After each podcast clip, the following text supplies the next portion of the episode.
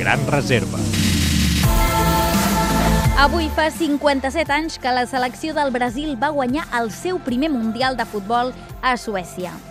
El conjunt dirigit per Vicente Feola va derrotar 5 a 2 la selecció de Suècia en la final, amb dos gols de Babà, dos de Pelé i un de Zagallo, i es convertia així en la primera selecció que guanyava un Mundial fora del seu continent, en aquest cas a Europa. Brasil va guanyar les seleccions d'Àustria i de la Unió Soviètica i va empatar amb Anglaterra en la fase de grups. En els quarts de final va derrotar Gales i en la semifinal va guanyar França per 5 a 2, resultat que va repetir contra Suècia a la final. La del Brasil és la selecció més exitosa de la història, amb 5 copes del món. La segueixen Alemanya i Itàlia amb 4 trofeus i l'Argentina i l'Uruguai amb 2.